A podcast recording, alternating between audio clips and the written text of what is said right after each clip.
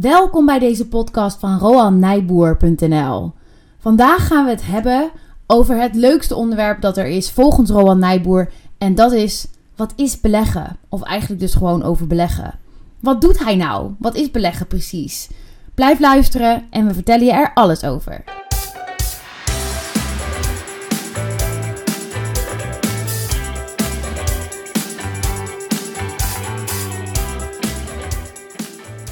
Leuk dat je luistert naar deze aflevering van onze podcast. In deze aflevering gaan we het hebben over de vraag der vragen, namelijk wat is beleggen? Rowan is hier weer bij me. Hey, hallo. En vandaag gaan we beginnen met de vraag: wat is beleggen, Rowan? Ja, wat is beleggen eigenlijk? Want uh, eigenlijk uh, hoor je dat woord heel vaak voorbij komen. Al, althans, ik, ik hoor dat altijd. En dat wordt elke keer op een andere manier uh, geïnterpreteerd. En ja, voor mij is beleggen in essentie, in de basis, in de breedste zin van het woord, geld stoppen in een financieel product. In de verwachting dat je er in de toekomst meer voor terugkrijgt. Oké, en een financieel product, dat is heel breed. Exact. Want er zijn veel verschillende financiële producten op de markt. We weten natuurlijk niet hoe, in hoeverre jullie daar als luisteraar mee bekend zijn. Maar om een greep te doen uit de termen die ik ken, dan heb je het over obligaties, futures heb ik wel eens gehoord, ETF's. Um, natuurlijk ook beleggen in aandelen, zoals op de beurs. Um, ja, ja, eigenlijk zeg jij alles, al die categorieën vallen in ieder geval onder beleggen. Ja, en er zijn er nog heel veel meer. Zoals opties of grondstoffen, uh, de cryptovaluta's die ook uh, deels veel uh, in de maatschappij deze dagen naar voren komen. Vastgoed zou je nog daaronder kunnen laten vallen. Ja, en dan komt het heel dicht bij investeren. Hè? Sommigen zeggen daar zit verschil tussen, anderen zeggen van niet. Ja, en voor mij is beleggen, of goed beleggen, is eigenlijk investeren. En je hebt investeren en speculeren. En daar zijn eigenlijk twee die twee categorieën, speculeren en investeren, daar vallen eigenlijk wat mij betreft al die uh, categorieën die we net noemden onder één van die twee. Want dan kom je eigenlijk bij een heel interessant punt. Wanneer is iets dan volgens jou speculeren? Wanneer is het een alternatief van speculeren is volgens jou dus een gecalculeerde belegging? Dat maak ik daar op uit. Dat je dan heel goed weet van dit stop ik erin, dit zal ik er dan uitkrijgen. En de andere kant daarvan noem jij speculeren. Als je eigenlijk niet zeker weet wat je er aan het einde uit gaat krijgen. Klopt. Speculeren zie ik eigenlijk een beetje hetzelfde als gokken. En je hoopt dan als het ware op een prijsstijging. En dat is met investeren ook zo. Maar bij speculeren ben je aan het gokken en dan hoop je op een prijsstijging. En misschien kan ik het iets, uh, iets concreter maken. Uh, bijvoorbeeld, uh, er zijn wel veel mensen die beleggen in de bitcoin. De bitcoin, fantastische technologie en de toekomst gaat dan nog heel veel brengen waarschijnlijk. Maar één bitcoin, als jij die nu zou kopen, geloof ik voor 8000 dollar op dit moment ongeveer kun je één bitcoin kopen. Als je dat koopt en stel je wil daar een goed rendement mee maken, dan ben je afhankelijk van een gek die in de toekomst daar meer voor geeft. En want over 10 jaar is één bitcoin is nog steeds een bitcoin.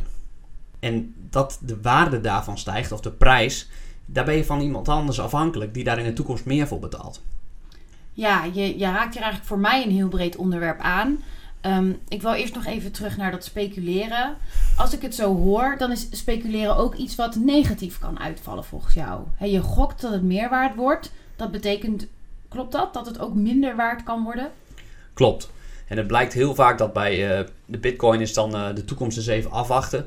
Maar andere speculerende dingen zoals grondstoffen, uh, dat blijkt dat die op de lange termijn heel slecht presteren. En ik geloof dus in, ja, dat komt in onze website wel naar voren en in die cursus helemaal, dat je belegt, doe je voor de lange termijn. En als je dat voor de korte termijn doet, dan is beleggen echt gokken. En speculeren, dat doe je juist meer voor de korte termijn. Ja, nu ga je eigenlijk een beetje twee termen door elkaar halen. Want je zegt beleggen, uh, dat is alle financiële producten. Daar vallen dus ook dus volgens jou speculerende producten onder. Maar heel vaak wanneer jij over beleggen praat, bedoel jij beleggen in aandelen. Ja. Om dat maar even duidelijk te maken. Ja, en, uh, va vaak noem ik het dan ook investeren. Oké, okay, en als je dus zojuist zegt uh, beleggen is voor de lange termijn niet zo risico risicovol, dan heb je het dus eigenlijk over beleggen in aandelen. Ja, in aandelen of in andere categorieën, daar zijn er niet zoveel van, maar die echt iets produceren, die waarde creëren en die op de lange termijn in waarde stijgen. Wat zijn andere voorbeelden dan naast aandelen? Uh, bijvoorbeeld vastgoed. Als je een appartement uh, koopt en die gaat verhuren, als het goed is kan je elk jaar iets de huur laten stijgen. Dus uh, dat, dat die prijs van dat appartement, bijvoorbeeld 200.000 euro, daar krijg je bijvoorbeeld een huurprijs voor terug. En dat is een soort van rendement wat erop zit. Daar komt daadwerkelijk geld jouw kant op, die huur die die huurder betaalt. Ja, en vanaf dat moment. Ja, vanaf dat moment spreek je over investeren, want je koopt iets wat daadwerkelijk waarde genereert. En zoals ik al zei bij een bitcoin, één bitcoin is over 10 jaar nog steeds een bitcoin. En hetzelfde geldt bijvoorbeeld voor goud. Eén klompje goud is over 10 jaar nog steeds een klompje goud. Ik vind dat wel interessant wat je zegt, want uh, jij hebt het dan over beleggen in aandelen. En daarvan zeg je dus eigenlijk, dat vind ik niet speculeren. En daar zit waarde onder. Ja. Kun je uitleggen hoe het dan is dat daar waarde onder zit? Want ik zie die beurskoersen op tv en ik denk dan toch ook regelmatig, ja, dat is ook maar wat een gekker in de toekomst voor geeft. Ja, dat lijkt ook op, op speculeren, op gokken soms. Omdat die beurskoersen soms uh, het lijkt dat dan zo gewoon op en neer bewegen, gewoon willekeurig. Maar dat is dus niet zo. Want dan is het even goed om te weten, denk ik, wat aandelen precies zijn. Een aandeel is eigenlijk een stukje eigendom in een bedrijf. Als jij een aandeel Apple koopt, dan ben je voor een heel klein deel mede-eigenaar van Apple. En als eigenaar, hetzelfde eigenlijk als uh, de bakker hier op de hoek, als de eigenaar winst maakt, ja, dan profiteer jij als aandeelhouder, als eigenaar, want jij hebt recht op die winst. En ja, misschien lukt het Apple om in de toekomst te groeien, om meer waard te worden, om hogere winsten te maken. Misschien niet, maar gemiddeld lukt het bedrijven om te groeien in de toekomst. En daar profiteer jij als belegger of investeerder in dit geval van. Begrijp ik het dan goed als ik zeg de waarde van een aandeel, zoals je die op de beurskoers ziet, die wordt dus eigenlijk bepaald door de winst dat een bedrijf maakt? Ja, op de lange termijn stijgt een aandeel precies mee eigenlijk met de winst die het bedrijf maakt. En dat weten veel mensen niet, maar op de korte termijn is, is daar dus geen verband. Dan kan een, als de winst omhoog gaat, kan het aandeel best omlaag gaan en andersom. Op de lange termijn, de stijging van het aandeel en de winst die het bedrijf dus maakt, die lopen hand in hand. En wanneer zeg jij dan, is de overgang van korte termijn naar lange termijn? vaak over een periode van vijf jaar, dan moet dat verband zich voordoen. Oké, dus bij een investering van langer dan vijf jaar, zeg jij, dan uh, gaat het risico eigenlijk omlaag bij beleggen. En gaat een beetje de speculatie, of beleggen in aandelen moet ik zeggen. En dan gaat de speculatiefactor omlaag. En gaat de, ja, het echte investeren, die factor gaat omhoog. Het wordt dan meer echt investeren. Klopt.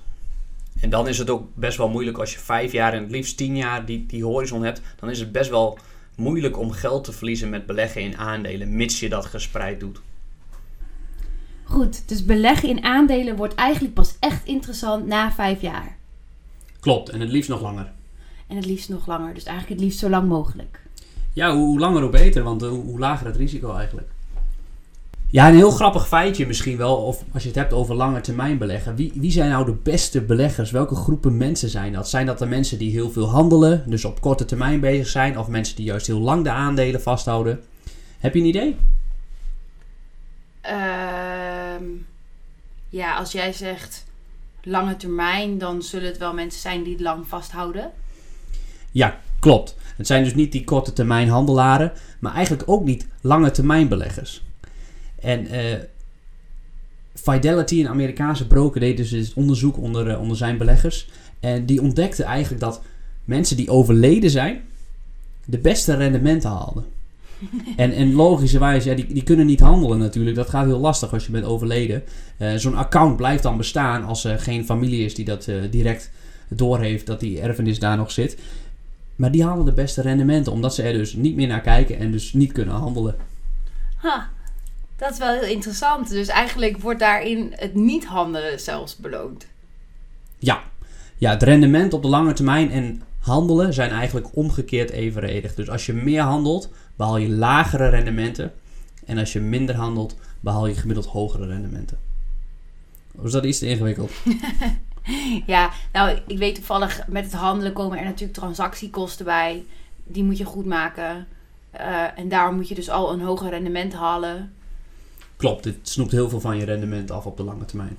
Nou, we gaan nu weer heel erg de diepte in. Dat Ja. hebben we eigenlijk al steeds eh, gedaan. Ik geloof dat je dat erg verleidelijk vindt en dat je graag praat over eh, alle dingen die je maar weet over beleggen. Dat is heel leuk, maar we wilden in deze podcast ook vooral de, ba- de basis eigenlijk goed uitleggen. Ja. Ehm, dus ik wou even terug met je naar de echte basis. Eh, als ik nou s ochtends opsta en ik doe om 9 uur de tv aan, dan is daar RTL Z met beursnieuws en beurskoersen. En dan beurskoersen van allerlei verschillende beurzen wereldwijd. We hebben natuurlijk e- onze eigen Nederlandse. Eh, kun je daar iets meer over vertellen? Wat dat dan is wat we daar zien en waar die informatie vandaan komt? Ja, wat we daar eigenlijk zien, zeker als je dat, die beurskoersen daaronder ziet langskomen, dat zijn eigenlijk de grootste Nederlandse bedrijven die dus beursgenoteerd zijn. En de grootste Nederlandse index, die bestaat uit 25 van die grootste bedrijven, waarin bijvoorbeeld de Shell en ING en Heineken zitten. Eh, Die zit in de AEX-index. Oké, met index bedoel je, dat is die verzameling van bij de AEX de 25 grootste bedrijven van Nederland. Klopt. Die staan daar genoteerd. Ja. En dan is er dus dan ook een kleinere. Ja, er is nog een kleinere, dat heet de AMX. De, bij AEX staat voor Amsterdam Exchange, de Amsterdamse beurs. En AMX staat voor de Amsterdamse Midcap Index. Midcap eh, betekent wat, wat kleinere bedrijven. Oké, daar kun je dus als bedrijf ook op genoteerd staan. Ja, daar staan dus de, de 25 na de 25 grootste, staan, na de 25 eh, iets kleinere bedrijven. Maar het zijn nog steeds joekels van bedrijven Oké, dat betekent dat er nog meer beurzen zijn. in Nederland. Ja, Ja, je hebt ook nog de ASCX. Dat is eigenlijk de Amsterdamse small cap, dus de kleinere bedrijven. En je hebt ook nog de lokale markt met de hele kleine bedrijven. oké, maar op deze beurzen dus staan de echt Nederlandse bedrijven genoteerd. Ja, dat is ook weer een moeilijke vraag van wat is Nederlands? Ehm, die grote bedrijven die ik net noemde, Shell, Heineken, die hebben ook buitenlandse beursnoteringen. Dus die zitten niet alleen in de AEX-index, maar die zijn ook in het buitenland genoteerd. En als gevolg hebben eigenlijk ook het merendeel van de aandeelhouders in bijvoorbeeld een bedrijf als Shell en ik denk ook in ING zijn, zijn buitenland, buitenlanders. Nou, dus het staat wel genoteerd aan de Nederlandse beurs. Maar eigenlijk is het inmiddels echt een internationaal bedrijf. Ja, het zijn volledig internationale bedrijven met dus het merendeel buitenlandse aandeelhouders. En ook het merendeel van de omzet die ze bijvoorbeeld maken, komt vaak uit het buitenland. Want Nederland is natuurlijk maar een klein landje. Ja, misschien nog een eh, interessant feitje daarover, de- als we het toch over de Nederlandse beurs hebben. Misschien eh, heb je vroeger goed opgelet eh, bij school, Barbara. Hmm. De VOC, zeg jou dat iets? Nou, volgens mij was het een van mijn examenonderwerpen. Maar ik durf dat niet eens meer zeker te zeggen. Waar stond het voor en wat deden ze? Verenigd Oost-Indische Compagnie. Wat goed van je. Ja, ja. En ja, ik weet dat ze met schepen handel voerden in het buitenland over de hele wereld. En daar zelfs die kolonies hadden en dergelijke. Klopt. Ja, dat waren altijd mooie avonturen, althans als de schepen weer terugkwamen. Vroeger was het zo dat je best wel geld kon lenen. Maar ja, zou jij geld uitlenen aan een schip die eh, naar de andere kant van de wereld gaat en maar de vraag is of het terugkomt? En dat werd steeds moeilijker, terwijl er wel heel erg groei was. En er Ja, waren heel of- veel kansen. Ja, veel schepen vergingen natuurlijk. Ja, Ja. Of ziektes aan boord. Geloof dat ik dat ook nog weet. Ja, hele riskante ondernemingen, waardoor eigenlijk eh, die bedrijven moeilijk leningen kregen. En daar bedachten ze, hoe komen we dan aan geld om toch die dingen te doen? En het was ook zo, doordat het heel risicovol was en bepaalde schepen vergingen. Hoe kan je dan niet investeren in één schip, maar in heel veel schepen tegelijk?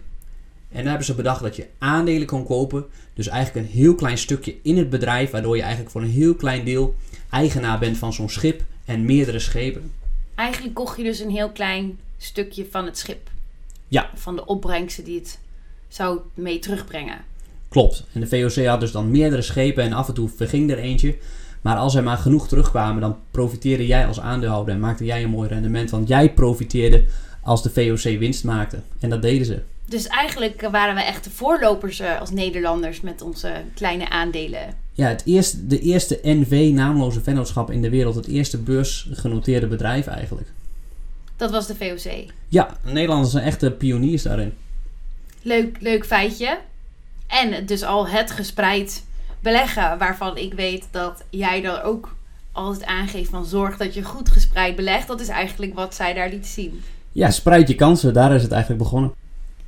Nou, tot slot heb ik nog een laatste vraag aan je. Leuk. En dat is, hoe zit dat met de beurskoers? We zien, we hadden het al over de AEX. Daarop zie je beurskoers dus van die 25 grootste bedrijven. Wat is nou zo'n beurskoers die ik op RTL Z zie? Ja, beurskoers is eigenlijk de, de prijs van een aandeel. Dus als bijvoorbeeld de beurskoers van Heineken 80 euro is, dat betekent dat één aandeel Heineken 80 euro kost. Dat is de prijs van een aandeel.